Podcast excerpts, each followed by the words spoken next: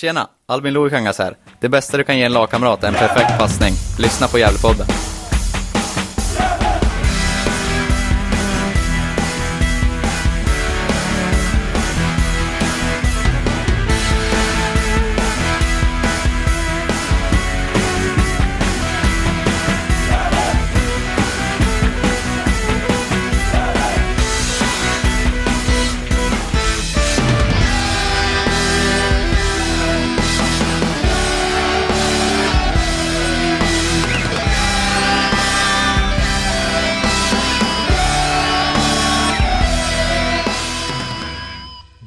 Hälsar vi er varmt välkomna till Gävlepodden. Vi är tillbaka igen, jag och Johan, för ett mer eh, spännande avsnitt där vi, ja, där vi båda två är med. Vi har ju gått ett tag sedan vi, sedan det bara var du och jag, Johan, så här i början.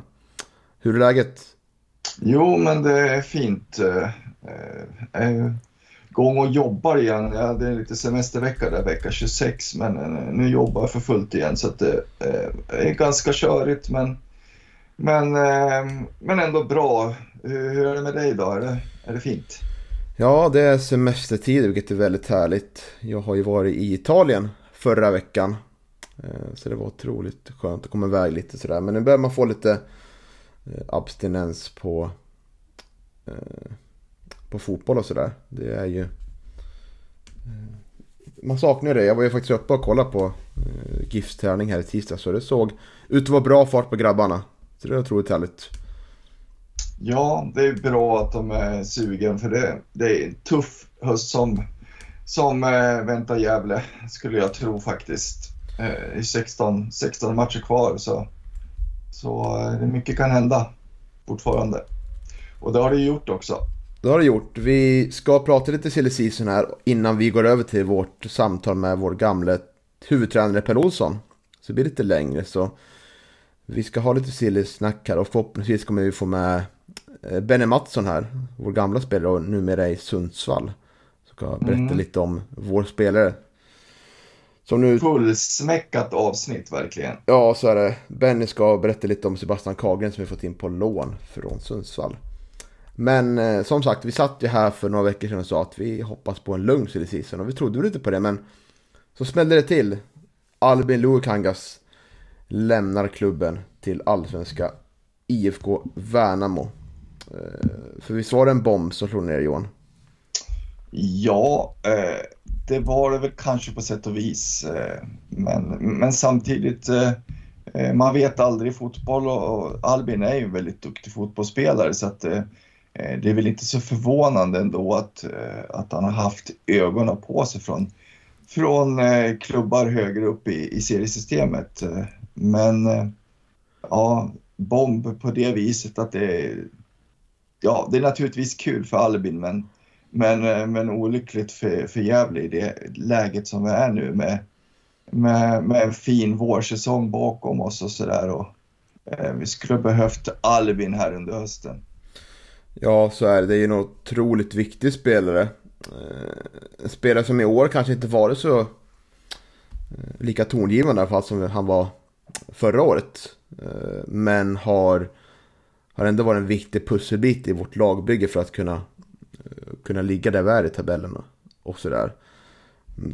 Men eh, det känns, känns jobbigt. Kul för Albin såklart. Han eh, har ju varit i klubben väldigt länge och har ju varit med om alla vändor som vi supporter varit med. Med två degraderingar och nerviga kvalmatcher i Sollentunavallen och så vidare. Så Mm. jag, jag tycker man kan unna Albin all detta, även fast det är å andra sidan väldigt tungt för klubben. För det är en svår spelare att ersätta. Vänsterbackar växer ju inte på träd. Och eh, känns som att det är kanske lite, lite dyrare än en, än en högerback. Sådär. Ja, exakt. Och det, det finns ju inte många vänsterfötter i, i, i truppen. Jag, jag har väl för mig att Albin var den enda och eh, Mm. precis som du säger, det kan vara, kan vara svårt att hitta en, en ersättare så här under sommarfönstret eh, till Albin. Så det, det oroar ju lite naturligtvis. Men, men absolut, vi, vi unnar ju Albin det här som har varit jävla trogen under alla år liksom från, från ungdomsåren och, och liksom varit med i både liksom framgång och motgång. Så att eh, eh, det, det, är kul för Albin, det är det. Mm. Och eh, det... Man kan ändå sitta med lite förhoppning för vi har ju sett att Hugo Ådvall har eh, twittrat lite om en bomb på G. Så det gör mig eh, glad. För när Hugo brukar skriva sådana saker så brukar det ligga sanning i det. Och eh, vi får väl att det kommer kanske någon vänsterback då på ingående. För det är ju... Har ju signalerats om eh, i alla fall två nyförvärv. Eh, vi kan komma in lite på Sebastian Karlgren ganska snart. Men eh, vi, vi har ju förhoppning om en till spelare och då borde det vara vänsterback. För om man ser på truppen nu. Eh, vem, vem ska ta den Om vi, om vi säger att vi har premiär, eller premiär, vi har start av sommarsäsongen, eller höstsäsongen vad vi kallar det, imorgon. Vem ser du då som, som vänsterback i den här truppen? Ja, nej men det är väl, det är väl Sebastian Friman i så fall som, som har vikarierat lite på, på den där posten eh, under, ja, under försäsongen. Även om det, det var väl mer som, som eh, vet du, vänsterbreddare, eh, mittfältare, men, men med defensiv, eh, defensivt ansvar. Så det, det ligger väl närmast till att det blir Sebastian som, som i så fall då kliver in och, och vikarierar där. Men, men vi hoppas väl på att man, att man hittar en vänsterfotad spelare. Mm. Eh, sen får vi väl se storleken på, på, på, på den där bomben. Det, eh, jag, jag vill nog inte skruva upp förväntningarna så, så väldigt stora utan jag vill nog se, se hur mycket det smäller så att säga först och främst innan jag får få några högre förhoppningar. Men eh, senaste gången Hugo Ådvall, om jag inte minns fel, helt fel, eh, signalerade med en bomb. Då var det ju Leo Englund. Ja, mm. precis. Ja, det, det, det, var en rätt eh, fin storlek på den bomben faktiskt. Mm, så vi... på, på många sätt och vis. Absolut, så vi... In Hugo we trust. Ska vi säga va? Det gör vi, det gör vi. Så får vi se, det, det bra väl inte. med Hugo som har de här kontakterna, tycker jag. Precis, och eh, det har kommit in en spelare. Eh, Sebastian eh, Karström. Kargren heter han väl? Nej, han heter Eller heter han Karström? Karström heter han. Det gör han faktiskt, det stämmer. Ja, det kan vara så att jag skrev fel i, i vårt lilla körschema här. Och eh, ja. därav förvirringen. Så kanske sa det fel innan avsnittet också. Men han heter Karlström, inte Karlström utan Karlström. Och sen mm. Hans Jesper Karlström ser jag på Wikipedia. Ja, rätt ska vara rätt. Ganska matig Wikipedia-sida för övrigt. Det är härligt. Ja, det ser man. Mm. Har ju spelat en del U17 U19-landskamper ser jag också. Eh, spelade en del förra året eh, i Sundsvall, i Superettan. Lite svårare år i Allsvenskan att ta en plats. Har gjort tre framträdanden.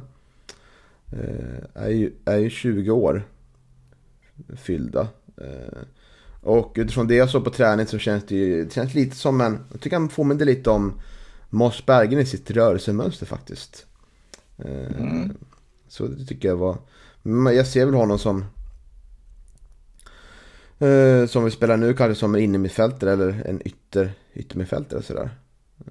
Ja, som jag har förstått det, sen han eh, flyttade upp från akademin. I akademin då har han väl haft eh, spelat för det mesta i, i, en central roll, men, men när han eh, flyttades upp i A-laget så har han väl mest fått finna sig i att eh, spela ute på en kant. Så mm, det är väl lite intressant. Det, det florerar ju eh, mycket åsikter om att, att han kanske skulle vara en ersättare för Jakob Hjälte, men, men eh, jag ser honom väl mer som en kanske ersättare för, för eh, Axel Näsholm då i så fall. Men eh, det återstår väl att se. Mm, visst gör det det.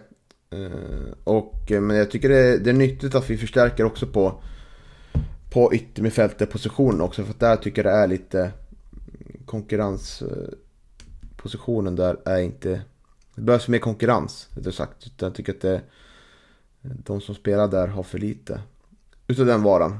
Det är ju framförallt Pontus Jonsson och Jensene som var tagit de platserna. Mm. Som egentligen i grunden är, är forwards. Eh, så att, eh, ja, nej men absolut. Det in, ska bli intressant att se honom. Tycker mm. jag. Vad tycker du om det här?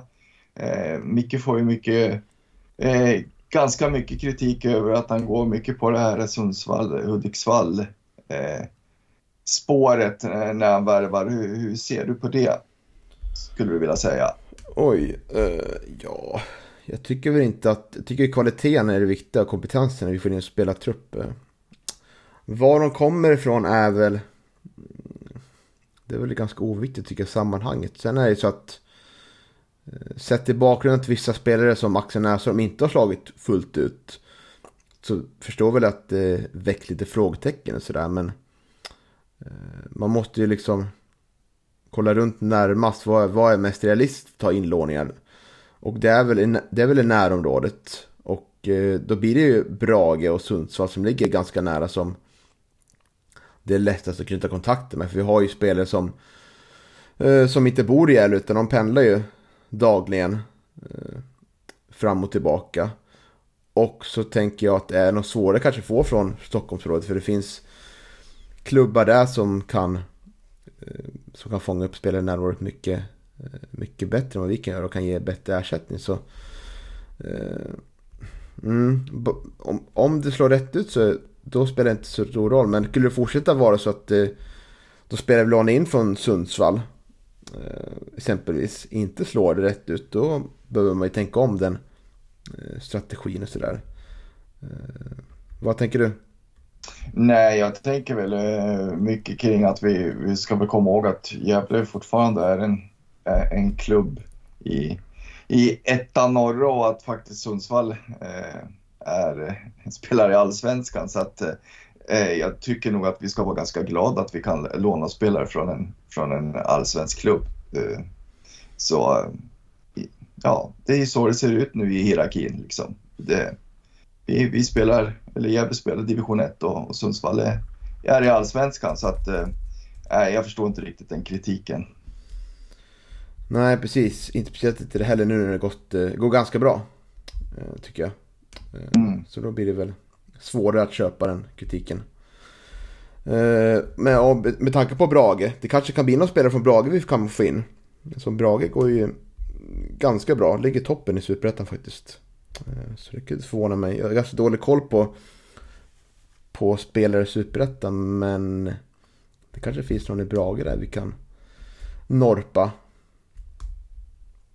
Jo, så kan det ju vara. Det, det är väl som sagt Det det är ju närområdet eh, som, som jag tror att man förlitar sig ganska mycket på. Vi har ju även eh, säkert spelare som inte har så mycket speltid i, i Sirius också om man ska nämna ett, mm, nämna ett annat exempel. Så är det.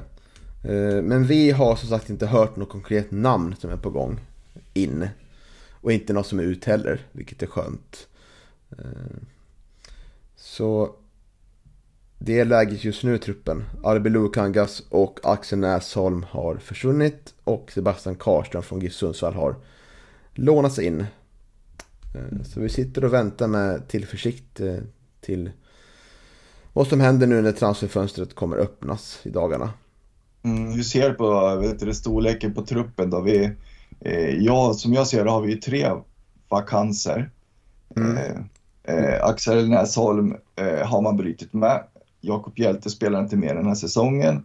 Och så har man eh, sålt Albin Lukangas. Eh, vi hade ju redan innan, innan de här tre bortfallen en ganska tunn spelartrupp och nu pratar man om, om eh, ja, det kanske i bästa fall blir, blir två stycken då. Eh, Sebastian mm. Karström inräknad.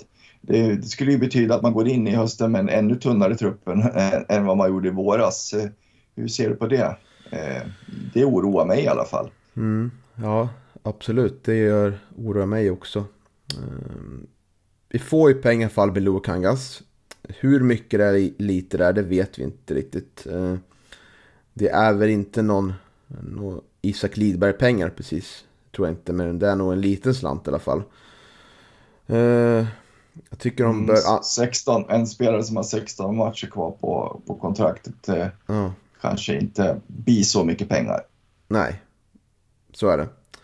Uh, nej, men det, en bredare trupp eh, skulle ju inte skada. Men jag hoppas att de här som används nu att det blir spetsspelare som går in och inte bara breddspel utan vi måste ha in spelare som verkligen eh, konkurrerar om situationen. I alla fall på Albin Lukangas behöver det, det behövs en klar ersättare som inte har någon backup på den positionen.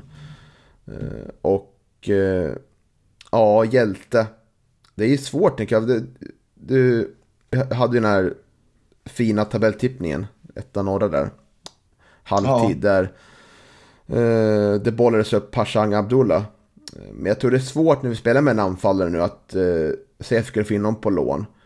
Eh, då skulle han vilja ha, förvänta sig att starta varje match. Och nu sitter vi i en position där vi har en anfallare. Och då måste den, om vi lånar in en backup-anfallare så måste han kunna användas som yttermittfältare också. Eh, så det är... Att få in en nia som ändå Lia Englund där, en backup där. Det tror jag är svårt. Då kanske man måste sikta på en, en spelare som kan användas på flera positioner. Eh, sådär. Eh, så jag skulle hellre säga spets istället för bredd. Men absolut, vi förlorar, förlorar tre spelare. Gärna ha in ja, i alla fall fyra, fem spelare då, om man säger så.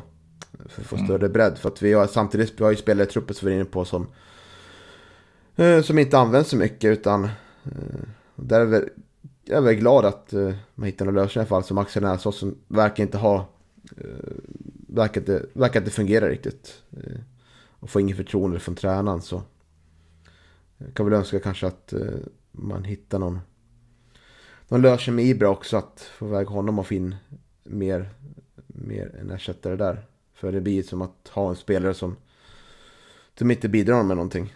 Tyvärr. Nej, nej precis. Och det, det har vi varit inne på tidigare att vi, vi har alldeles för många sådana i, i, i truppen nu som, som, eh, som inte bidrar till, eh, till att ö, öka kvaliteten och in, som inte är egentligen några alternativ att byta in. Och det är inte hållbart i längden att eh, eh, ha sådana spelare på kontrakt utan det där lär man ju se över nu Eh, nu, går väl, nu går väl deras kontrakt ut. Jag tänker, jag tänker faktiskt främst på, på Ciuccio. Nu, nu, nu skäller jag om Ciuccio igen, men, men, eh, ja, nej, men det har ju tyvärr inte blivit som... Ja, det började lovande, men, men sen har det egentligen bara... Det, han är i ett sluttande plan om du förstår vad jag menar. Och sen, och sen har vi ju Ibra då, som ja, inte gör många lyckliga, tyvärr.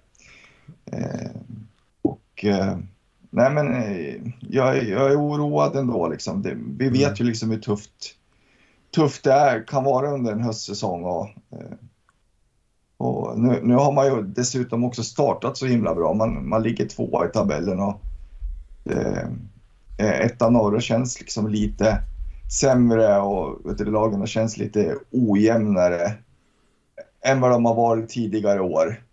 Och nu finns ju en chans att gå upp. Mm. Och det känns som att man måste ju försöka ta den.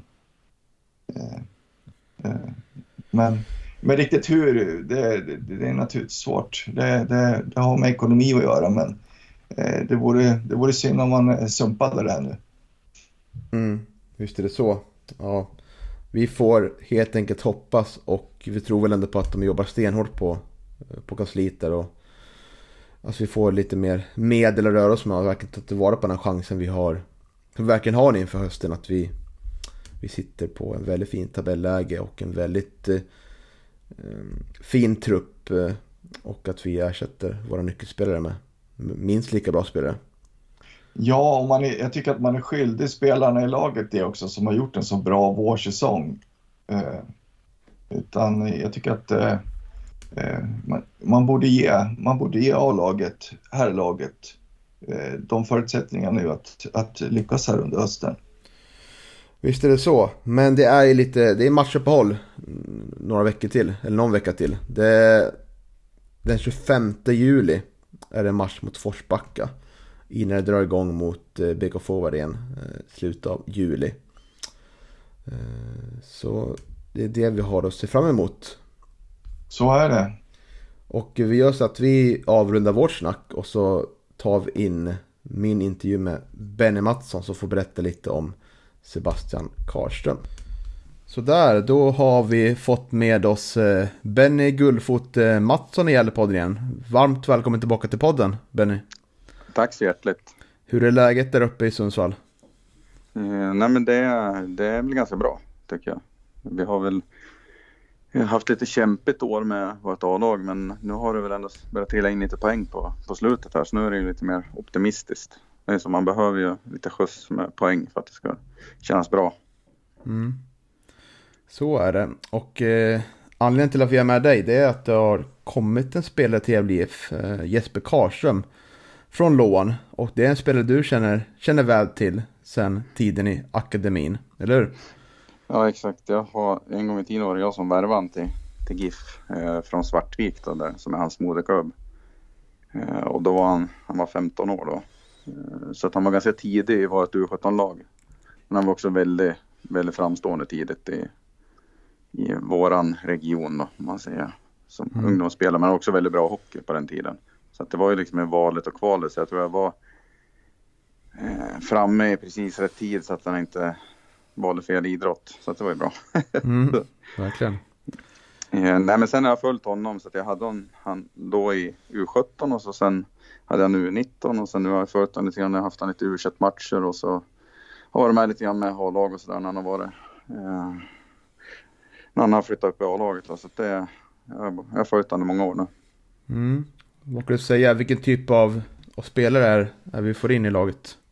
Först och främst är det en väldigt liksom, eh, säga, viljestark och jobbar hårt. Det är en spelare som man vill ha ett lag som alltid är allt på träning och match och pålitlig och liksom, eh, bra ta instruktioner och sådär. Eh, sen är det ju en eh, spelare som eh, han har både spelat centralt och han har spelat ytterforward. Han är ganska mångsidig så. Eh, Bra fart med bollen. Bra att kombinera. Sen har jag alltid i alla år haft bäst på alla konditionstest. Så att han är liksom orkar mycket. Så att det, han brukar inte krokna om man säger så. Mm. Så en bra, lojal spelare som, som, som tillför laget mycket. Mm. Man säga. Uh, Axel Näsholm lämnar ju klubben nu. Skulle du säga att det här är, är det samma typ av, av spelare vi får in nu? Nej, det ska jag inte säga. Uh, de är väl de skiljer sig åt lite grann. Jesper är väl lite mer att han kan vara centralt och Axel har varit mer mot kant. Liksom. Så det, det skulle jag säga att de skiljer sig lite men eh, det är ju olika individer. Mm. Axel också, han har ju sina, sin spets i det, det han är bäst på liksom, och Jeppe har sin i det han är bäst på. Så att, men de skiljer sig lite, lite olika typer. Mm. Och eh, jag ser här att det blev en del matcher förra året för Jesper i, i Superettan. Eh, mm. hur, hur såg det ut då, tycker du? Eh, ja, fram, alltså han gjorde väl en hel del. Han gjorde en del från start och så en del inhopp och så. Det var ju just vid det tillfället när han var som absolut bäst då man tänkte att ja, han hade varit skitbra på sista tiden, liksom, sista veckorna och tänkte man att nu slår han igenom på riktigt. Liksom. Mm. Men då åkte han på en bak, baksida, baksida, en skada. Då, så att, då var han borta ett tag. Sen kom han tillbaks och så ja, men han äntligen tillbaks. Och så, men då åkte han på ett bakslag igen då, så att han fick lite så här hack i säsongen där. Som var lite, lite tråkigt då, precis när, när han var som bäst liksom, i, i den. Ja, så det, det var lite otur, men nej, han bidrog i veckan där ett gäng matcher. Jag tror han har väl runt 40 elitmatcher nu tror jag i eh, superettan och allsvenskan totalt. Så han har ju varit med ganska mycket. Och eh, jag vet inte om du har sett då någonting av Gävle i år, men spelar ju lite mer, vi har bytt spelsystem nu kan man säga, spelar mer 4-5-1 eh, sådär med tre centrala mittfälter där. En är lite mer sittande defensiv och två är lite mer offensiva. Och så har vi två kantspelare som ja, går in lite mer i boxen sådär, försöker göra det. Vad, vad kan du mm. säga, var, vad passar Jesper bäst in i? Ja, men alltså, han kan ju spela som Om man säger så, antingen kan jag vara åtta som en av centrala mittfältarna eller så kan han vara tia. Är också bra på. Sen kan han vara också sju eller elva och det är alltså ytterforward på någon av kanterna. Så att han är, han är en väldigt allsidig spelare. Ska jag säga. Eh, Ja, då vi spelade en gång i tiden 3-5-2 ganska mycket, eller, då var han ofta en av innermittfältarna.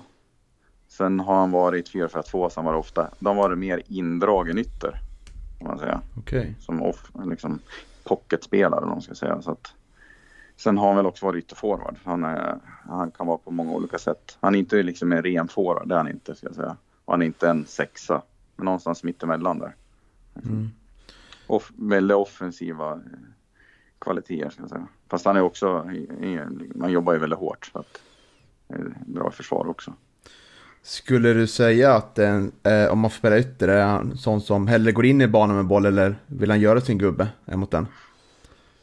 Mm, jag skulle säga att han går in i banan en del, men han, han kan också liksom, göra en gubbe. Liksom, ta in bollen. Jag skulle nog säga att han är mer liksom, alltså att bygga upp spelet och eh, mer en sån som gör assist än en sån som gör målen. Ska jag säga. All right, spännande. Även, även fast han, alltså han var ju en väldig målskytt som ung. Jag, tror, jag var på lilla VM här med dottern och då sa de att han hade målrekordet genom alla tider. Då hade han gjort var det, som 36 mål på sex matcher. så, så att han har ju varit väldigt målskytt i unga år. Liksom. Förstår. Mm. Ja. Det här ska bli grymt spännande att se Jesper för men nu har vi fått lite bra, mm, bra bakgrundskoll där på vad vi kan förvänta oss. Mm. Eh, tror du att han går rakt in i laget? Ja, det tror jag. Eh, sen, sen är det svårt för mig att säga så här på avstånd. Man ska ju se träningar. Och, men ja, jag tror mycket på Jesper. För det, det tror jag. Eh, han, han har, alltså om han kommer in i det också och blir, man behöver ju någon match för att, att liksom komma in i laget och hitta lite relationer och sådär. Kommer han in i det så tror jag kan, att han kan bli jättebra. Mm. Ja. Men troligtvis behöver man ett par matcher för det. Liksom. Så det måste man, men det hade inte spelat någon roll vem men man tar in, så tror jag att det är så. Ja, absolut, absolut. Du, Axel Näsholm då? Har du hört någonting vad som hände med hans eh, karriär nu?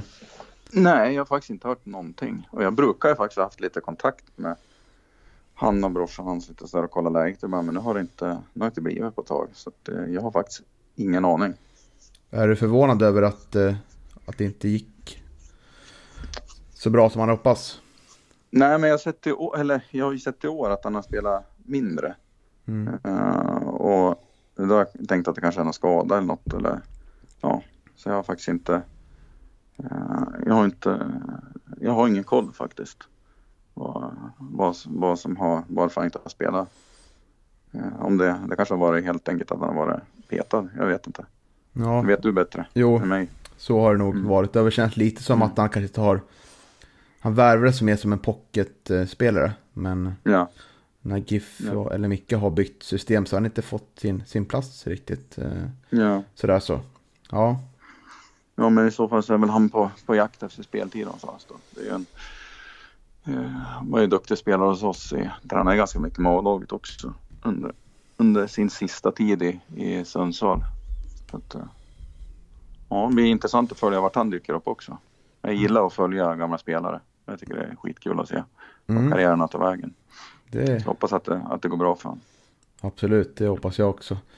Du, vi ska börja avrunda Benny. Eh, Mm. Vi kan faktiskt lämna över till, vi hade snack eh, idag med eh, din gamla tränare Pelle Olsson. Ja, Eh, så vi kan lämna över till, till det snacket nu och eh, tack så mycket för att du tog dig tid att vara med. ja, härligt. Tack så jättemycket för att ni ringde upp. Ha det, ha det bra.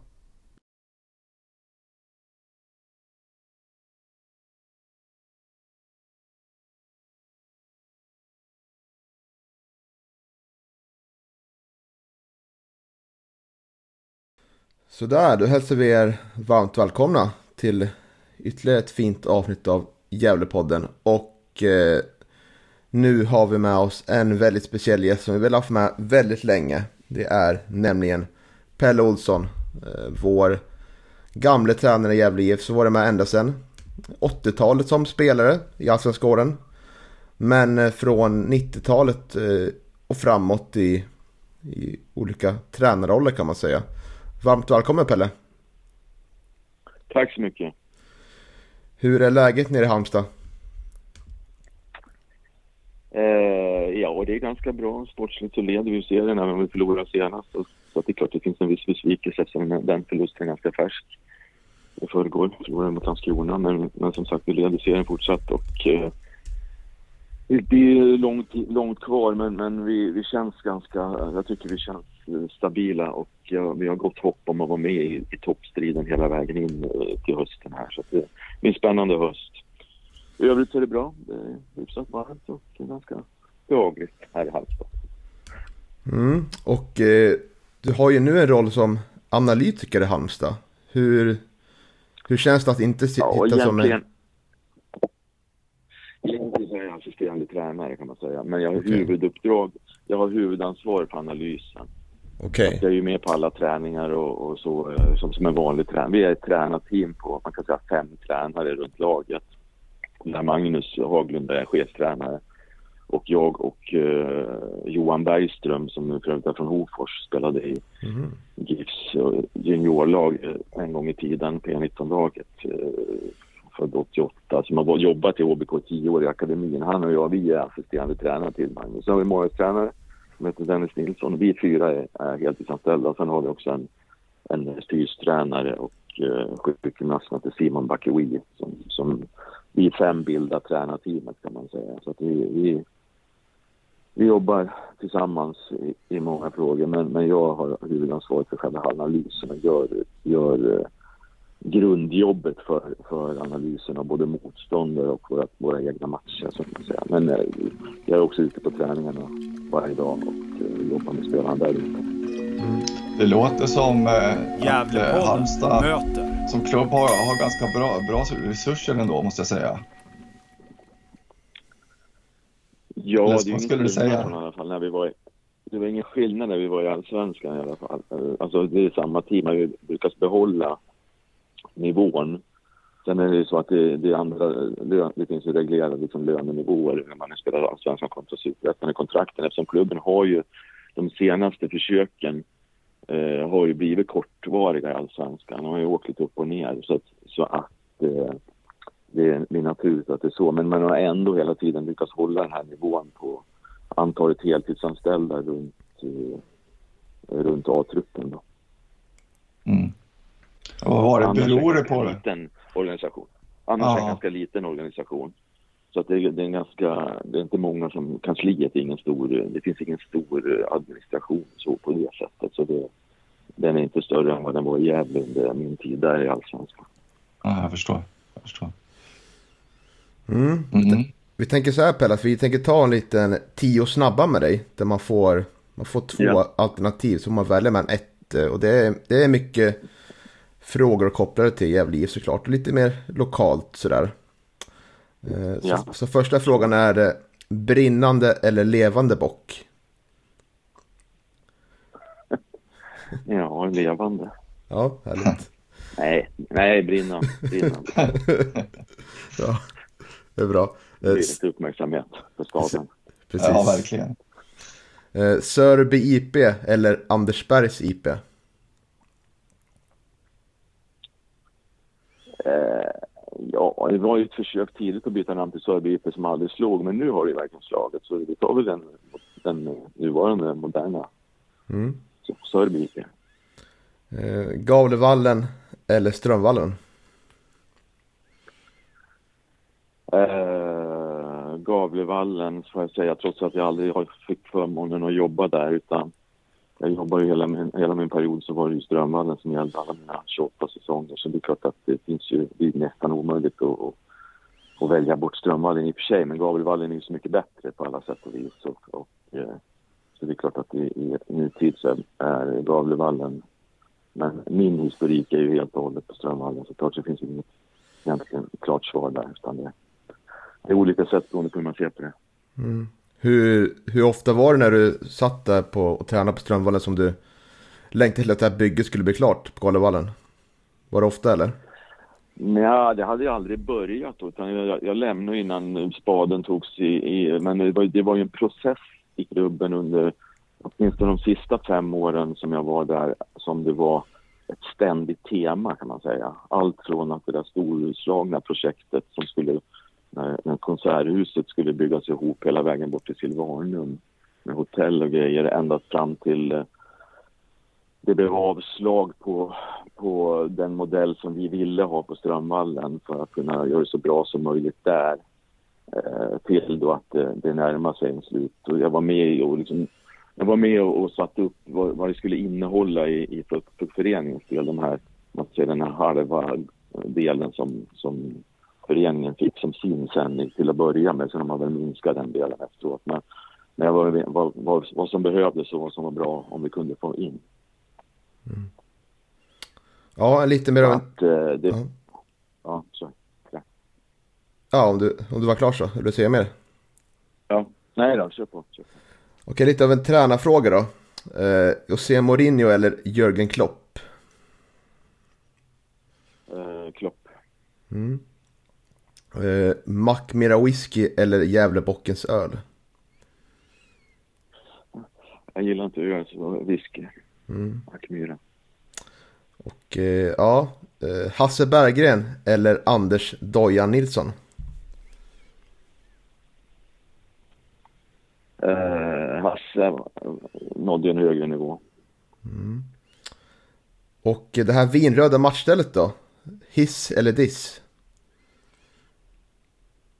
Nej, men det har jag själv varit med och, och valt, så det är klart att jag gillar det. Mm. Ja, det gillar vi också. Faktiskt. Ja, vi älskar det vin, äh, vinröda matchstället faktiskt. Nej, men det hade vi redan på 90-talet. Vad var anledningen till att det kom fram då? Nej, vi skulle ju ha en färg som, som bröt av mot... Man skulle ha en mörk tröja. Så att det var... Jag kommer inte ihåg vad den var inspirerad av, men det var... Jag var med och föreslog det i alla fall, kommer jag ihåg. Mm. Vi hade ju liksom mer klarröda förut, tidigare. Alltså när vi spelade allsvenskan på 80-talet så det var ett reservställ då var ju, var ju röda liksom något annat, en annan förening i distriktet har med. Utan att det är västra. Utan att det var västra på våra. Ja, eh, regnig höstmatch eller stekhet sommarmatch? Eh, regnig höstmatch tror jag så att det där. Mm. Jag gillar de här regniga höstmatcherna, kommer jag ihåg. Guys, när det ösregnar på Strömvallen. det, ja, det är då det ska avgöras också. Är Ja. Eh, lite musikfråga då. Eh, konsert med Thomas Di Leva eller Gävle Metal Festival? Eh, Det får bli med, med eh, Di Leva. Han är ju trots allt en gammal klasskamrat från social linje på Borges. Ja, just det, det stämmer. Mm. Och den sista, men kanske viktigaste frågan, om man säger det själv. Eh, långboll i Gavlån eller sitta bakom en pelare på K-märkta läktaren vid Strömvallen en hel match? Det går ändå, bollen är svårt att fånga upp bollarna där i Gavleån så att jag föredrar att sitta bakom en pelare för då kan man röra sig. Jag har lite, lite, man kan ju ändå följa. Så, så kraftiga var inte pelarna. De var jävligt jobbiga. Ja. Härligt. Ja, eh, ska vi komma in lite på lite andra trevliga frågor då? Hur kom det sig Pelle att du började intressera dig för tränaryrket i början?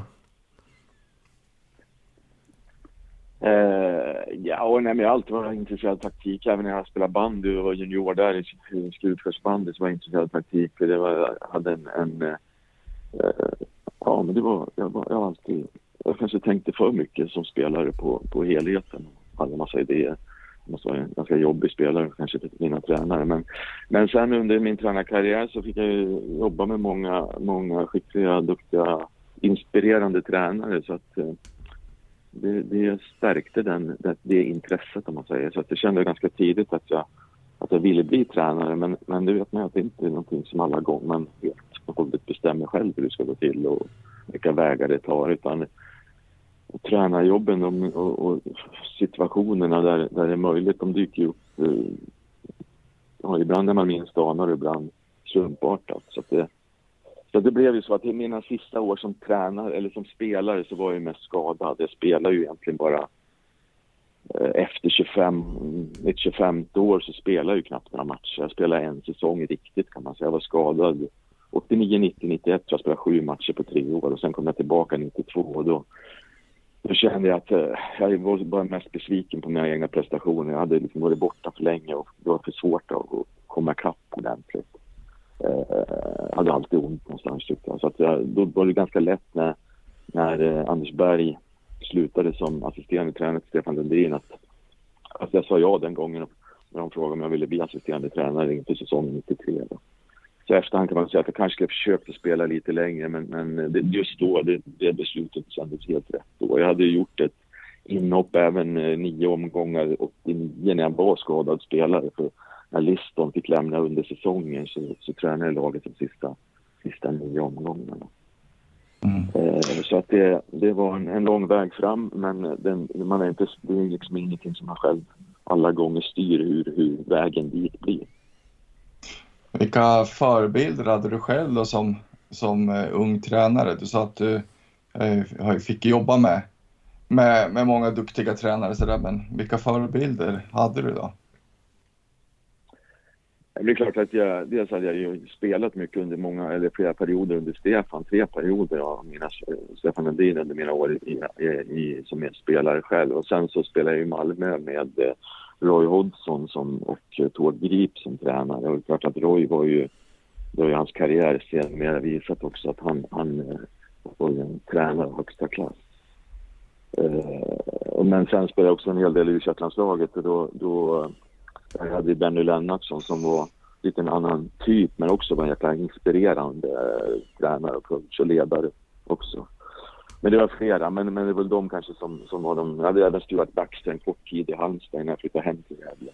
Som också var, som var också en fantastiskt duktig, eller är en väldigt duktig coach och instruktör. Och, så att han... Eh, det är väl, det är väl de kan man säga. Mm. Om vi kommer in lite på Gävle IF-tiden då. Eh, och vi snabbspolar lite. Du var ju med, som du själv sa, som assisterande först. Sen fick du lite mer huvudansvar under senare delen av 90-talet. Eh, sen var det ju en vända där till Örebro. Eh, och kom tillbaka ja. till Gävle IF. Och precis när du kom tillbaka, precis, du har varit i klubben då ett, två år. Så går ju Kenneth Rosén bort. Eh, hur gick tankarna kring, kring den perioden? Var det, var det självklart då att hoppa på huvudtränaransvaret då? Eh, nej, vad ska jag säga om det? Det var ju meningen att jag skulle vara... Jag kom ju hem alltså precis efter eh, avancemanget till Allsvenskan var klart. Det var meningen att jag skulle vara någon slags kanslichef eh, då. Jag började jobba så 15 november. Då var just då var ju Kenneth så pass sjuk redan då. Så han var inte med i det dagliga jobbet så det blev ju mer ett sportchefsuppdrag, det som kanske var menat att Kenneth skulle ha egentligen eh, inför den allsvenska säsongen. Och eh, eh, så det, jag jobbar ju med den delen och, och, och Kenneth eh, hamnade ett par veckor före jul på, på sjukhus och eh, gick bort Eh, 27 december då, 04, bara två månader efter han hade lett laget till, till allsvenskan. Så det var ju en väldigt speciell tid i klubben. Väldigt, ja, man stod inför någonting som, man, som hade haft, man, allsvenskt spel hade inte varit aktuellt på 20 år. Det fanns väldigt liten erfarenhet från allsvenskan. Eh, klubben, eh, det, det, var ju sorg. Det var ju dessutom dagen efter, han gick ju bort dagen efter tsunami då det var ju en, en sorgens tid på något sätt i det. Och då fick jag frågan av eh, Leif och styrelsen om jag, om jag var beredd att ta tränaransvaret och det är klart att det var jag ju. Det var inget, det var, jag hade inga frågetecken om det på det sättet, men det var ju likväl en speciell situation. Men jag hade ju skaffat lite då allsvensk erfarenhet av mina två år i Örebro då som assisterande till Stefan. Det var två händelserika år så det var mycket erfarenhet på en gång där. Så att eh, vi körde igång där 7 januari 05 i Andersbergshallen och sen var det bara att jobba på. Fick ny, nytt konstgräs där på höst, eller på i april också. Så började säsongen. när var uppe på träffen på försäsongen. Men sen så alldeles innan serien skulle börja så var Strömvallens konstgräsmatta färdig och då skickade vi in den. Eh, jag tänkte då, det som du nämnde också, det var ju en väldigt speciell situation det här med, med Kenneth och att klubben var lite i sorgen naturligtvis. Eh, eh, fick ni jobba med spelartruppen på, på något speciellt sätt utan, eller körde ni på som vanligt? Men det är klart att det var, det var säkert en del, jag kommer inte ihåg exakt, det var inget speciellt sätt vi jobbade på mer än att vi, vi, vi hade säkert med att prata om saken såklart. Det var ju begravning en bit in i januari när vi precis hade kört igång träningen. Och, så det är klart att eh, det, det, det, var säkert eh, på det sättet, men det var, ingen, det var inte så att vi tog in en extern hjälp eller hade något särskilt program för utan var och en, eh, vi hade stöd av varandra om man säger. Det var framförallt de som hade jobbat med Kenneth året innan som, som hade starkast, liksom, som var närmaste på något sätt, som hade sett hans sjukdom också. Mm. Ja, precis. Eh, det kanske, först, det kanske första året kanske varit lite att ni spelade lite för Kenneth också. Kan jag tänka mig. Ja, det, absolut. Det, det, var ju... Det blev en hel del förändringar i truppen. Eh, men de som hade varit med under hans år såklart, det fanns säkert starka känslor på det sättet. Mm. Ja. Eh, och eh, det har ju gått ett tag nu sen du lämnade klubben. Men om du ska se tillbaka då. Det var ju små resurser som gjorde att ni klarade er kvar. Eh, och eh, hur, varför gjorde ni det så här mer exakt? Vad handlade det mycket om rätt rekryteringar, rätt spelare eller vad, vad kan du blicka tillbaka till och vara stolt över så här efteråt?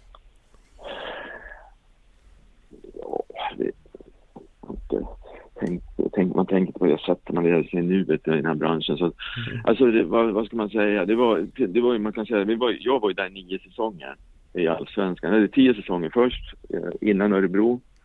Eh, som var en period där vi, där vi först hade en bra, vi gick upp, vi gick till Allsvensk kval med en en, en ny generation där 90, 95. Sen blev det lite utbyte av den generationen och vi missade kvalet. Vi kom ju sjua i Superettan 99 men missade kvalet, eller i, i division 1 norra, missade kvalet i Superettan.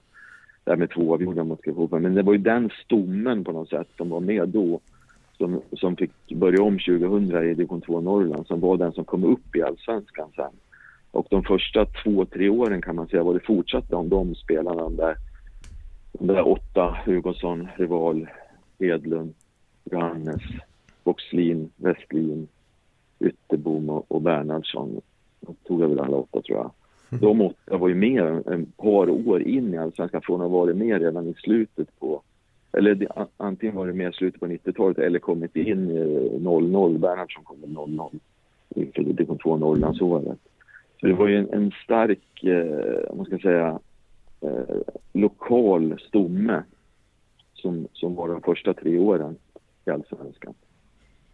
Och jag hade väl någon match där jag tror alla de åtta startade något av de där tre åren. Så det, det var ju det var ju 05, 06, 07 där. Sen så började de spelarna att droppa av en efter en och då var det ju viktigt att eh, lyckas med att få in spelare som, som eh, tyckte att, det, man kan säga att det var en sak som var viktigare än annat. Det var att man tyckte att det var någonting bra att spela i Gävle Det var ingen idé att vi tog spelare som, som inte ville vara där, man säger som bara tog det för att de inte hade något annat. Utan vi försökte verkligen hitta spelare som, som hade drivet och var på väg upp, hade en hunger eh, att, att dels komma till Allsvenskan och dels ja, jobba hårt när vi värvade där. För det var väl det som var vår grund grund, våran bas på något sätt som det är för de flesta lag inom lagidrott. Att man, man jobbar hårt, man gör det tillsammans. Så det, det var det som, som eh, vi lyckades ganska bra med vad gäller rekryteringen.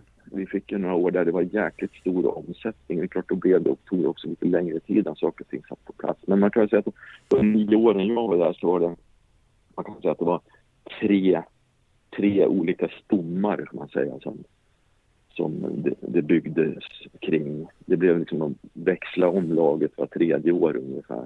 Där den lokala stommen var den första. Och sen var det ju rekrytering. De, så är det ju alltid. Det blir blandad, blandad framgång. Men vi lyckades ju ganska bra framförallt på forwardsidan att få till det. Så vi, vi, det gjorde ju också att vi kunde på något sätt. Egentligen så är det svårt att bedriva professionell fotboll på, i en landsortsstad med så liten omsättning som vi hade. Men lyckades ju eh, på något sätt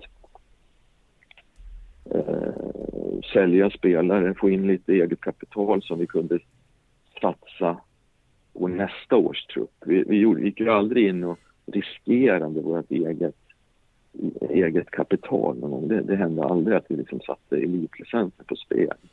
Utan vi, vi var alltid så att vi, okej okay, nu har vi eget kapital och en viss del av det kan vi, kan vi gå över, alltså göra en negativ budget för nästa år. För det, det är så att när man, ska man ha kontinuitet och spela i Allsvenskan så kan man vara säker på en sak, det är att man får en liten lönestigning, eh, löneglidning hela tiden för att lyckas behålla spelarna. Och det var det som var, det var ju en jäkla konst när man inte hade en ökad, ökad omsättning. Utan eh, omsättningen stod ju och stampade där mellan 25 och, och 30 miljoner hela tiden. Det, den, den kom ju aldrig iväg, det lyfte aldrig. Och därför blev det också väldigt mycket fokus på den här med arenafrågan. Att man trodde att det skulle vara en, eller alla vi trodde att det skulle kunna vara en, en väg att öka, öka eh, konkurrenskraften om de, de kronor som finns att slåss om i, i, i Gästrikland och regionen generellt. Det var ett ganska långt svar på den frågan, kommer jag inte ens ihåg längre vad du sa. Varför mm. Det finns inte ett enkelt svar på det, utan det var ju olika, olika faser på något sätt hela tiden. Ja, men det var väl ett bra, bra utförligt svar tycker jag. Eh, var det svårt att, att locka spelare till Gävle? Nej, det tycker jag inte. Det var det första året var det otroligt svårt. De, då fick vi nej av de sju första spelarna som jag hade på besök i Gävle. De sa nej allihopa. Var det annat. Och det där var väl också en idé som väcktes att det var viktigt att verkligen träffa rätt med att få spelare som ville, verkligen ville vara hos oss. Så vi la in väldigt, försökte den, den, den liksom innan man gick vidare i, i rekryteringen så, så försökte jag verkligen vara noggrann med att det här är en spelare som är möjlig för oss att få. Det var liksom ingen idé att spilla kraft på spelare som som eh, var på en annan hylla eller hade högre förväntningar på sitt eh, fotbollsspelande än att, än att spela i ett lag i, på den nivå som vi var på, då, både lönemässigt och, och ta, ta konkurrenskraft, om man säger.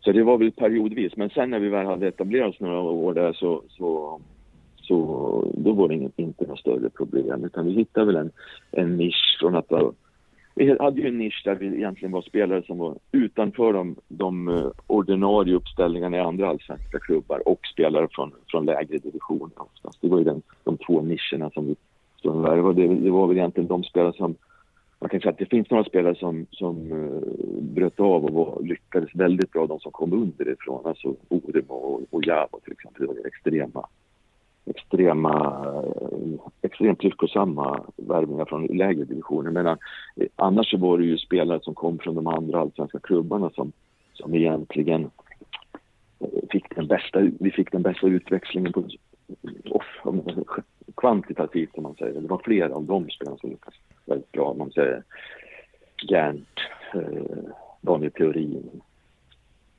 eh, Hamberg, Berg, Matondele Bopa, Hade ju alla varit i, i, i allsvenska klubbar innan. Jag glömmer säkert någon där. Men, men, men, eh, några exempel i alla fall på spelare som, som lyckades väldigt bra. Som vi, vi visste var bra spelare för annars hade de inte varit i de klubbarna de var. Eh, och det, det, det var ett lyckosamt eh, koncept då. Mm. Jag tänker att du har ju en väldigt bra förmåga att hitta spelare som Oremo i, i mindre klubbar och lägre divisioner. Vad, vad, vad ligger hemligheten bakom där? Eh, att fånga upp så här, att se talanger som man verkligen kan se på längre sikt att det här kan bli något väldigt bra för vår klubb. Vad, vad, vad är din tips till, till folk där ute som tränare? Ja. Nej, men alltså, för, att, för att lyckas på elitnivå så måste man ha, måste man ha fysiska förutsättningar. Eh, och det kan man säga att de två som då sticker ut i den här frågan med, med Oremo och eh, eh Javo framförallt, så var ju de att de hade väldigt bra fysik. Javo var ju extremt stark i kroppen. Kunde ju liksom vända, vända runt på samma kvadratmeter på ett otroligt effektivt sätt. och var ju svårstoppad på så sätt. Och, och Oremo hade ju förmågan att han var ju både snabb och uthållig. Han kunde springa lika snabbt i 89 minuter som han sprang i första minuten. Och det, det, så var det liksom direkt när han kom från division 3. Man kan säga nu, det här är ändå 15 år sedan. Nu är det ju så att det är ju väldigt ovanligt att man kommer från lägre divisioner på det sättet. Division 1 till allsvenskan är ju, det, det spåret kan man ju säga att Varberg kör ganska hårt. Eh, men annars är det ju just, nu så kommer ju de nästan, eller kommer ju de flesta spelarna kan man säga, till elitfotbollen från akademierna.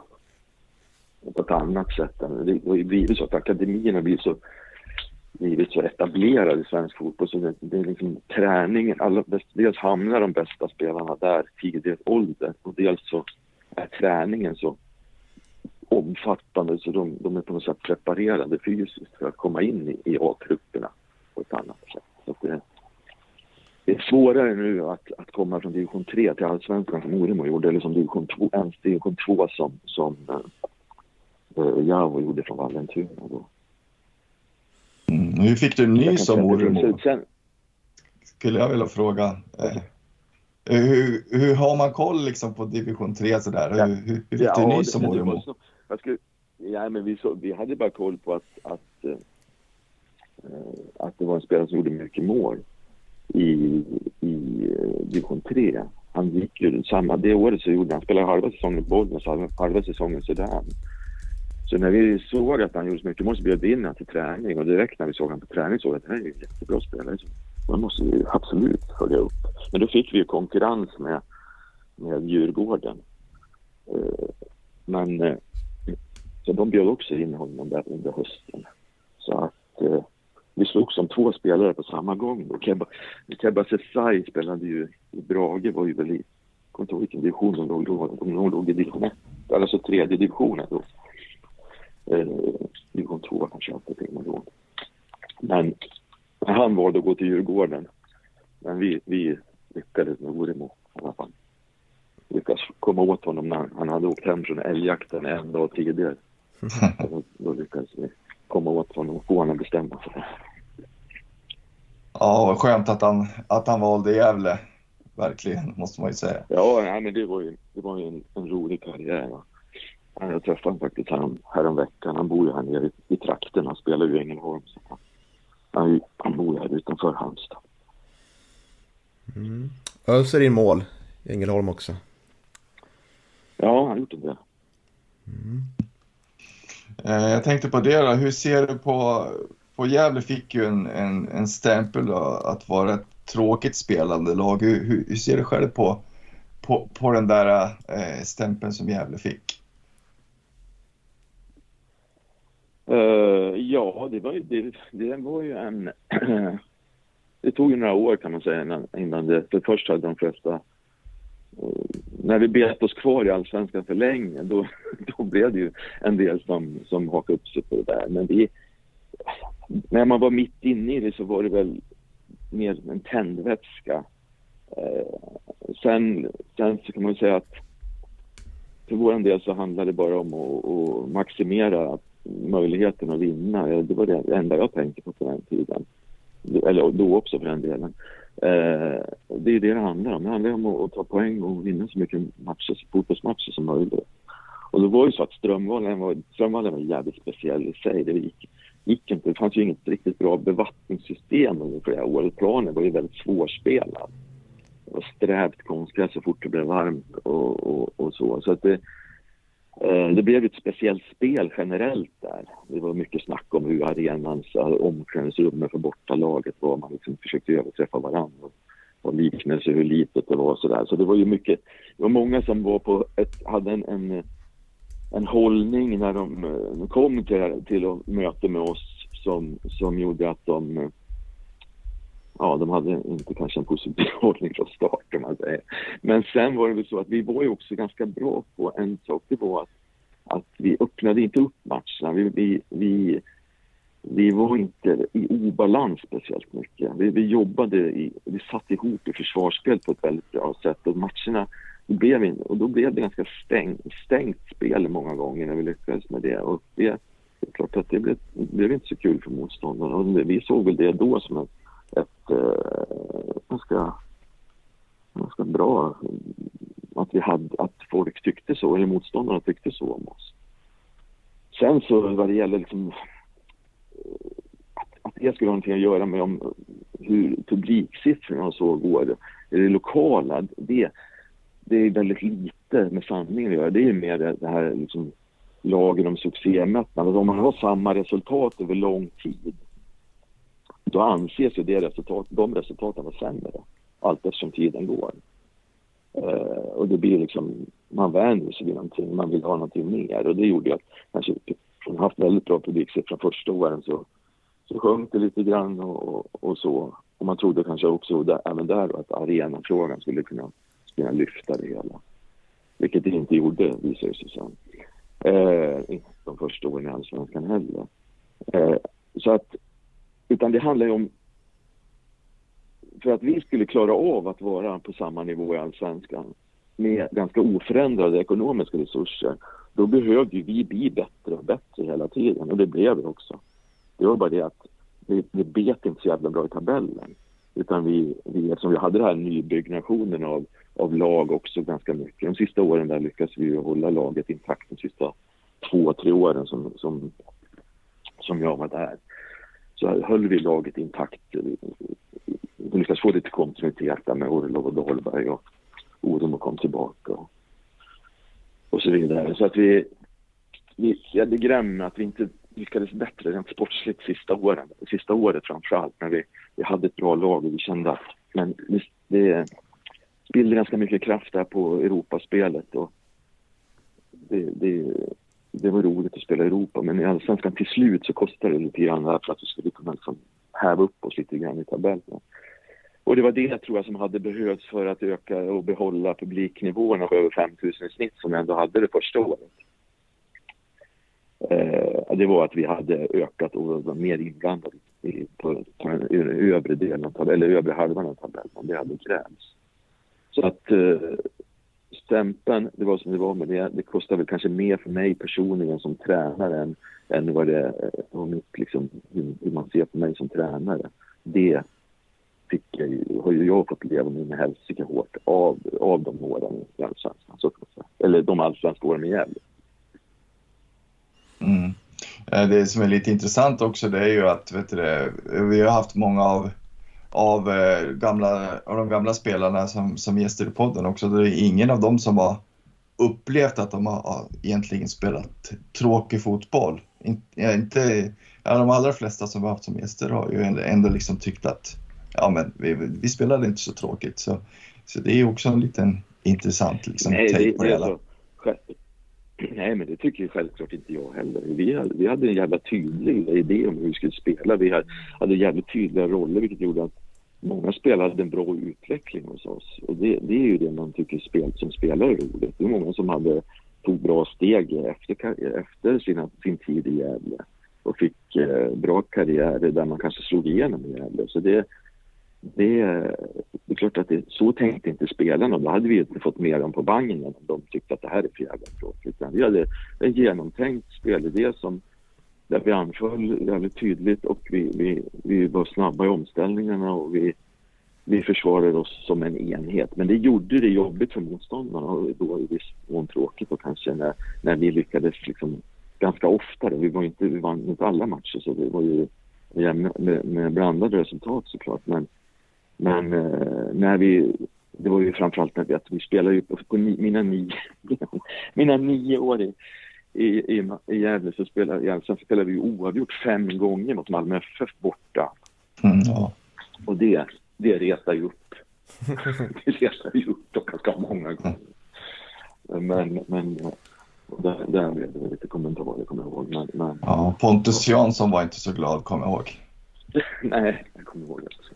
Det var lite sådana grejer som hände. Men, men som sagt, det är länge sedan nu. Ja, visst är det det. härligt att blicka tillbaka lite tycker jag. Men eh, hur mycket koll har du på Gävle IF idag då? Skulle du säga? Uh, ja, jag har sett lite grann under, under våren här. Uh, det har jag. Um, um, Eh, I fjol såg jag inte mycket för då, då kolliderar jag mycket mer. Men jag, eftersom vi har spelat så här mycket tisdagar så har jag sett en hel del fotboll eh, och det har blivit en del GIF, någon GIF-match också. Derbyt såg jag på, på tv också. Så jag, jag, har inte varit på plats, men jag har sett lite grann. Nej, men det som är i år som som är tydligast i år, det är att man har gjort väldigt bra resultat på bortaplan. Man har ju vunnit några matcher som jag vet själv som är med i år i, i ettan. Och matcherna, Sylvia borta, Karlstad borta, Umeå borta, Vasalund borta. Det är jäkla svåra matcher och där är man 12 poäng. Inte så. Man har vunnit alla de matcherna. Mm.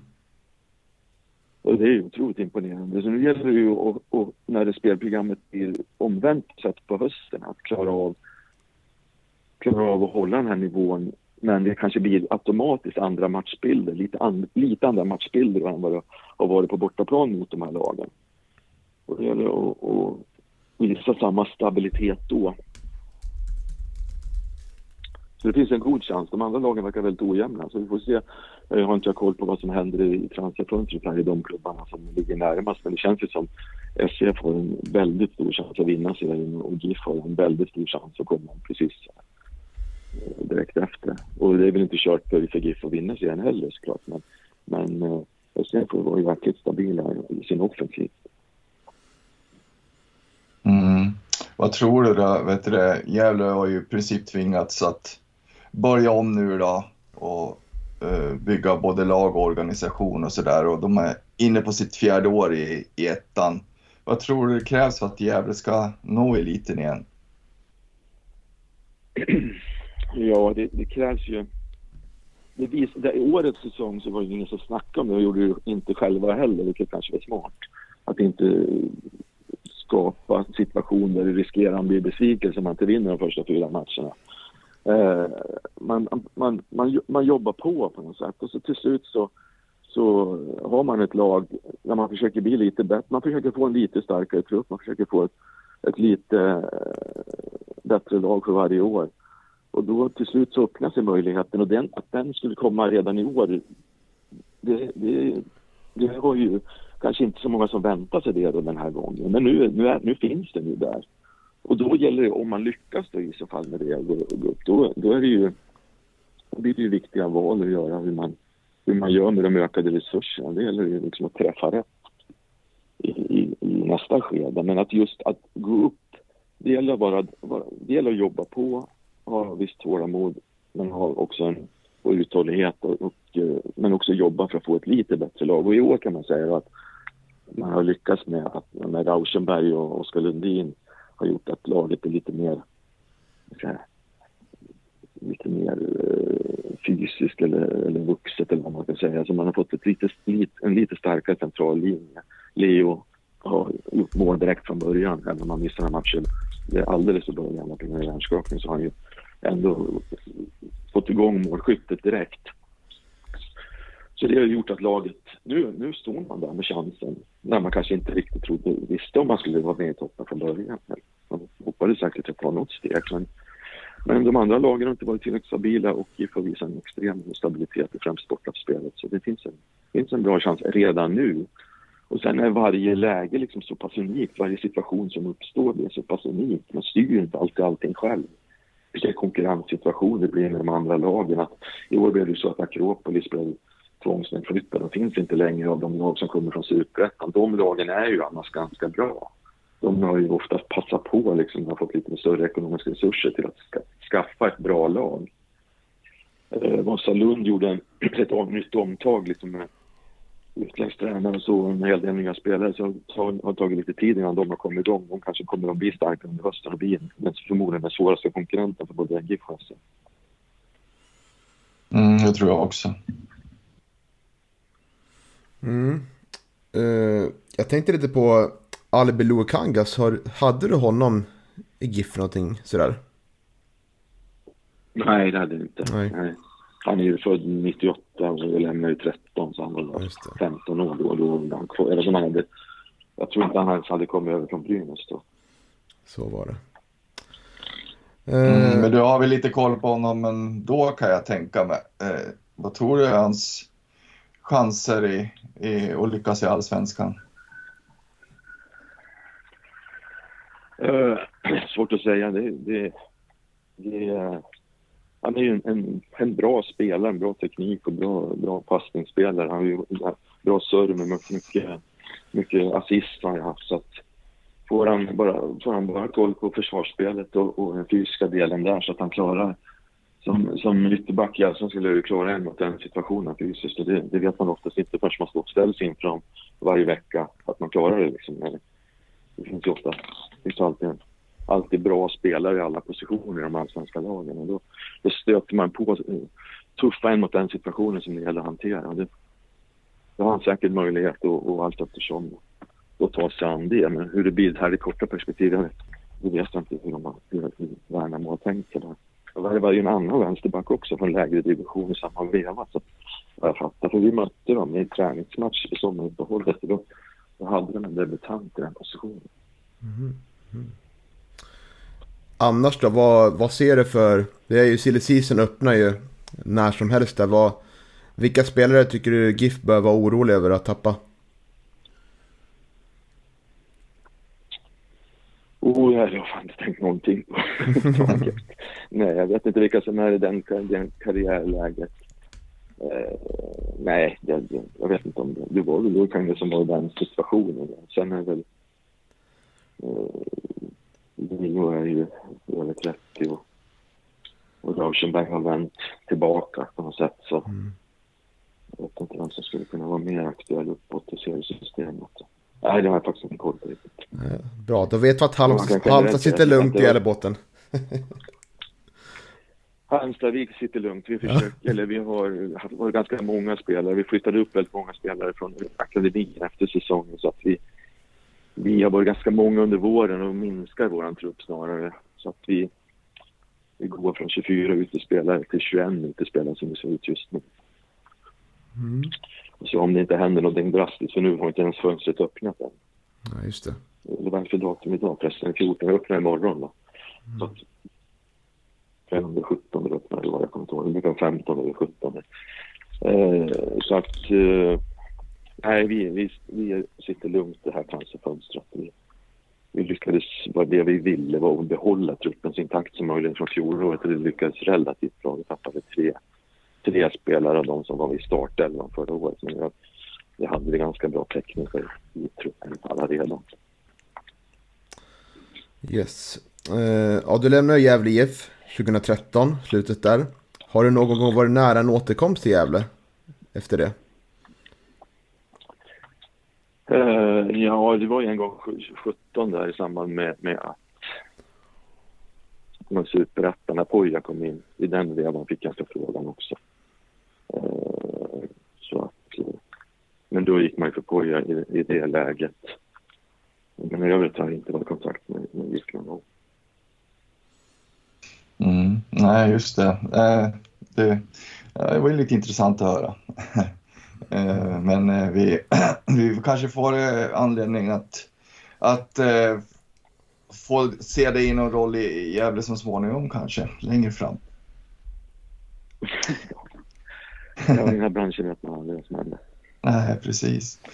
Du, jag tänkte på en annan sak. Och ni eh, gjorde något ganska unikt där 2004 när ni avancerade upp i Allsvenskan med, med en spelartrupp som var i stora delar byggd på, på spelare från Gävles närområde. Skulle man, skulle man kunna göra det? Skulle det kunna vara möjligt i, idag, liksom 2022? Vad tror du om det?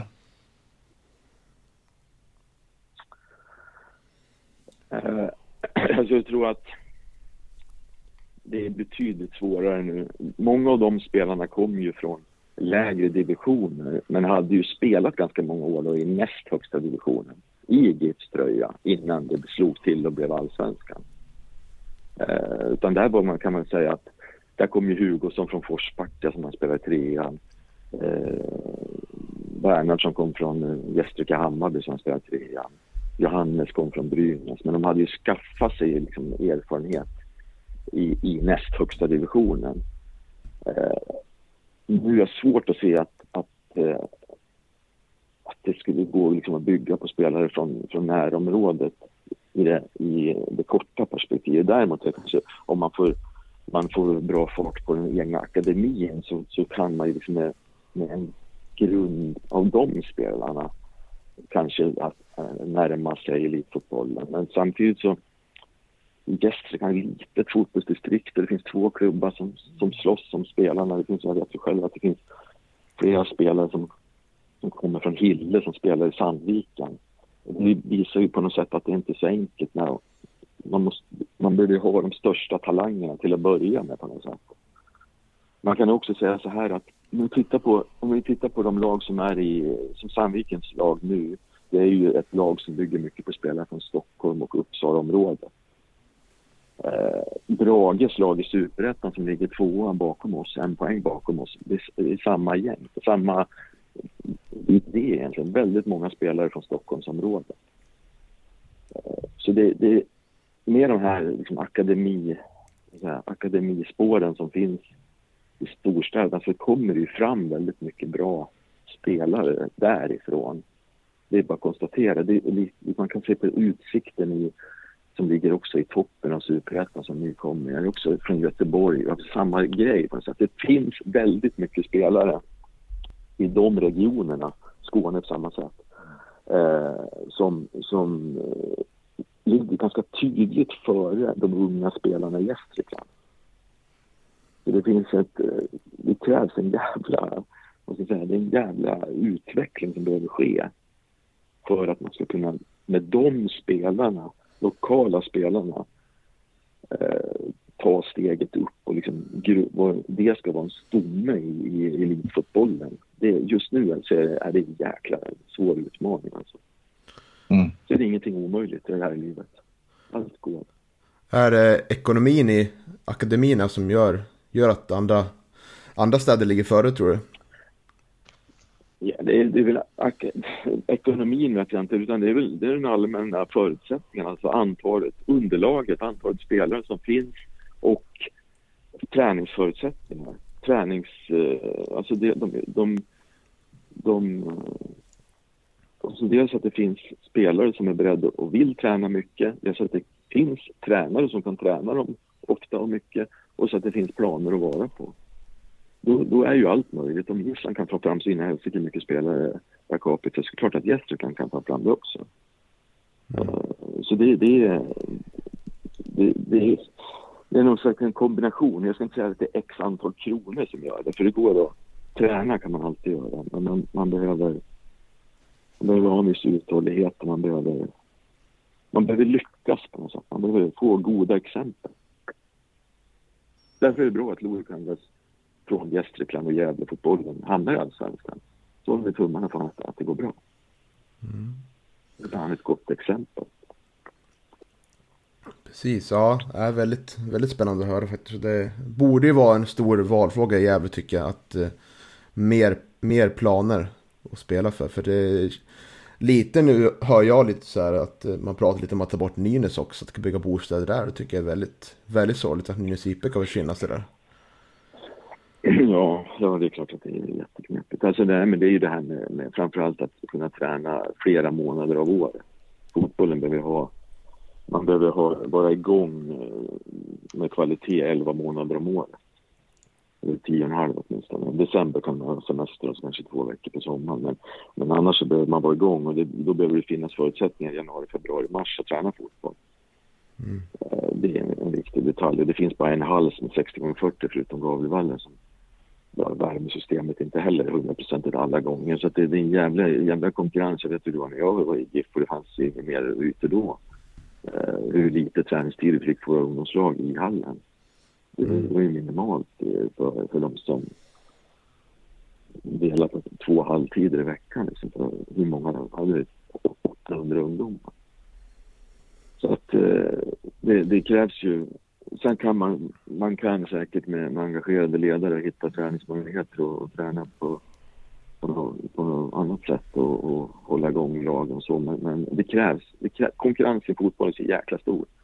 Både globalt och nationellt. Så att det, det, det, krävs att man tränar. Man behöver träna hårt. om man ska hamna på elitnivå. Man behöver ha uthållighet och träna lätt över tid också. Mm. Spännande. Vi ska snart börja avrunda tänker jag. Vi har två frågor kvar här. Eh, men Tim Markström har ju varit med oss i podden. Och han har berättat från er tid i Sandviken att du tog ju derbymatcherna mot GIF på mycket stort allvar. Speciellt tycker du att det var att möta Gävle som tränare för ett annat lag?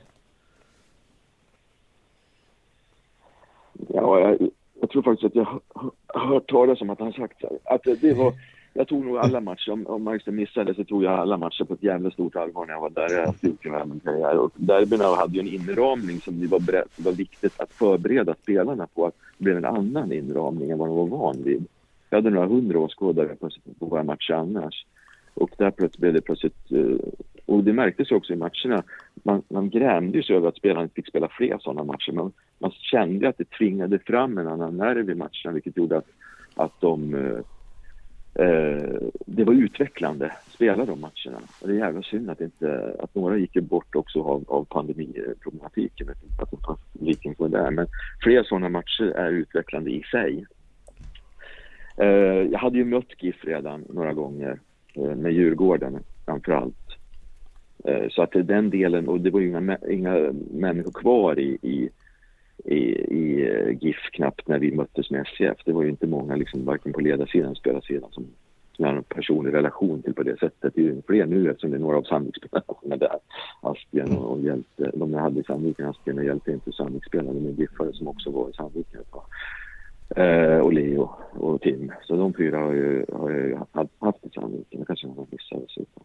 Men, men eh, jag tyckte det var, det var väl mest speciellt första gången jag kom i Djurgården till Strömvallen i, i maj 2014 eh, de spelade 1-1.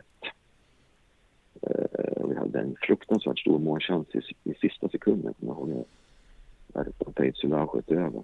Men eh, och sen förlorade vi på hösten där. Jag sa att när Belander gjorde mål, Börje tappade bollen och Belander gjorde mål på nära håll.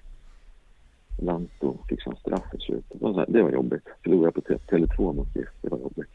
Men det var alltid jobbigt att förlora.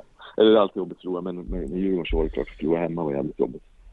Mm. Så jag hade ju några matcher innanför eh, bältet, eller under, under, under bältet när jag kom till, eh, till de matcherna med, med GIF SCF. Det som man kan säga att var, när jag var i GIF som spelare så blev det ju ett, ett regimskifte 1982. Att fram till 80, hade ju fram till 81 kan man säga hade ju SCF varit den största klubben i Gästrikland resultatmässigt och legat före Gävlefotbollen i väldigt, väldigt många år. Även om vi inte hade varit i allsvenskan sedan 1961 så, så var man ju en, en eh, den, den, mest framgångsrika klubben. Och då blev det ju ett, ett regimskifte när vi 82 gick upp i allsvenskan och jag var med som spelare. Eh, men de, de, vi, vi gick ju upp via kval, de kom ju trea och missade kvalet precis. Det två lag som kvalade. Eh, så, och sen har ju GIF varit den största klubben ända fram till vi kom nu på samma, samma nivå här. Eh, under mina år i Sandviken så, så åkte ju GIF ur och så så det blev ju liksom speciellt för först, efter, trots att man bott var, så, var, var det så nära varandra rent geografiskt så hade vi inte spelat något derbyn på så otroligt länge och det fanns också liksom vilka som ska vara GIF hade varit bäst i distriktet så länge så det var ju en, en speciell, speciell situation. Det fanns en viss nerv i det hela. Så det var ju spännande på så sätt. Mm. Mm. Och sen kan man väl hoppas att, att eh, lag, klubbarnas konkurrens kan liksom driva fram och tvinga fram att båda, båda eh, tar steget upp. Sen så är det ju så att SF har en, en mycket bättre ekonomisk eh, grund att stå på än vad GIF har för närvarande. Och där har man ett, ett stort försprång. Men det är bara fyra poäng i tabellen. Så är det. Så är det. Jag kommer ihåg eh, den här matchen som 14. Jag tror att vi gjorde en banderoll där det stod Pelle Olsson håller på Gävle. Kommer du ihåg den? nej, det kommer jag inte ihåg. Ja, okay. nej, nej, nej, nej. Den gav, gav ingen effekt i alla fall. Som, eh, det vart 1 så. eh, ja, precis. Ja. ja, ja men avslutande frågan då Pelle. Eh, de tre bästa minnena eller upplevelserna från din tränarkarriär så här långt och vilka, vilka tre skulle du eh, vilja trycka lite extra för? Uh, ja, men alltså när vi gick upp i Superettan, det kvalet 20, 2000, när vi vann först Norrlands tvåan ganska klart, 15 poäng. Och sen så slog vi BP-kvalet. BP var ju stora favoriter, hade ett jäkla bra lag. Många av de spelarna som vi mötte då blev väldigt bra spelare sen. Eh, hade bra karriärer, så det var starkt att vinna det kvalet. Det var en jäkla besvikelse när vi åkte in 99. Så det är klart att den, den delen var att vi kom tillbaka, att vi studsade upp direkt. Liksom, det tror jag var viktigt, viktigt för de senaste 20 årens spel på elitnivå. Som, att det hände på en gång på något sätt. Eh, men sen började de allsvenska åren var, var ju jäkligt roliga allihopa. Med enstaka matcher med Malmö-matchen. men just den säsongen 2006 där vi, vi var ju, vi hade en svit hemma som var faktiskt extremt bra när vi, vi slog eh, Malmö hemma, slog Göteborg hemma. Vi slog ÖIS som åkte övre halvan lag allsvenskan då hemma och vi slog Djurgården hemma. Och däremellan så spelade vi oavgjort mot, eh, mot Elfsborg, missa straff och slog oavgjort mot AIK, missa straff. Och det var de två lagen som slogs om guldet det året. Och vi, vi tog oss till cupfinal via via segrar borta, liksom Ängelholm borta, Landskrona borta, Halmstad borta och Kalmar borta. Och så fick vi den här, den här antiklimaxet med regn i cupfinalen. Så det, det, var en jävla bra säsong 2006. Så det är ett starkt minne i sig. Sen är ju dramatiken såklart. Jag menar, det, man kan glömma när, vi, när Dragan kvitterade 2-2 när vi var så jävla illa ute som vi var. Vi hade ju så dåliga resultat mot Göteborg borta med oss när vi kom dit. Jag tror jag hade 1-17 eller något på 6-7 matcher mot dem på bortaplan. Eller fem matcher plus en cup, eller fem säsonger plus en cupmatch där. Vi förlorade också tre. Det hade så otroligt dålig historik mot Blåvitt och så ligger jag under med 2-0 efter 17 minuter. Och mm. lyckas få med oss 2-2 den matchen. Det, det var ju... Det är otroligt, otroligt eh, minne i sig, måste jag säga blev det ja. 0, 06 och 10. Ja, mm. precis. Mm. Fint att avsluta där med superdragan verkligen. Ja, precis. Jag träffade faktiskt honom här veckan också när vi var mot Öster. Så var han kvar här ja. på läktaren. Så jag pratade lite med honom. Ja, kul. Vad härligt. Du verkar ha en del eh, gamla kontakter med spelare och sådär. Det tycker jag är härligt att höra. Ja, man stöter på det. Men det finns ju många spelare man har haft genom åren som man stöter på igen. Eller om man spelar matcher i nya klubbfärger. Mm. Ja, men eh, ska vi börja avrunda då? Stort eh, tack Pelle för att du tog din tid. Det var otroligt härligt att prata med dig. Tack själva. Det var kul att få vara med. Så hörs vi säkert eh, någon fler gång när vi har någonting eh, vi, vill, vi. vi vill ha svar ja. på. Så får du hälsa Johan Orem och Dragan och sätta på dem igen. Ja, det ska jag göra. Absolut. Ha det bra grabbar. Ha det bra. Tja.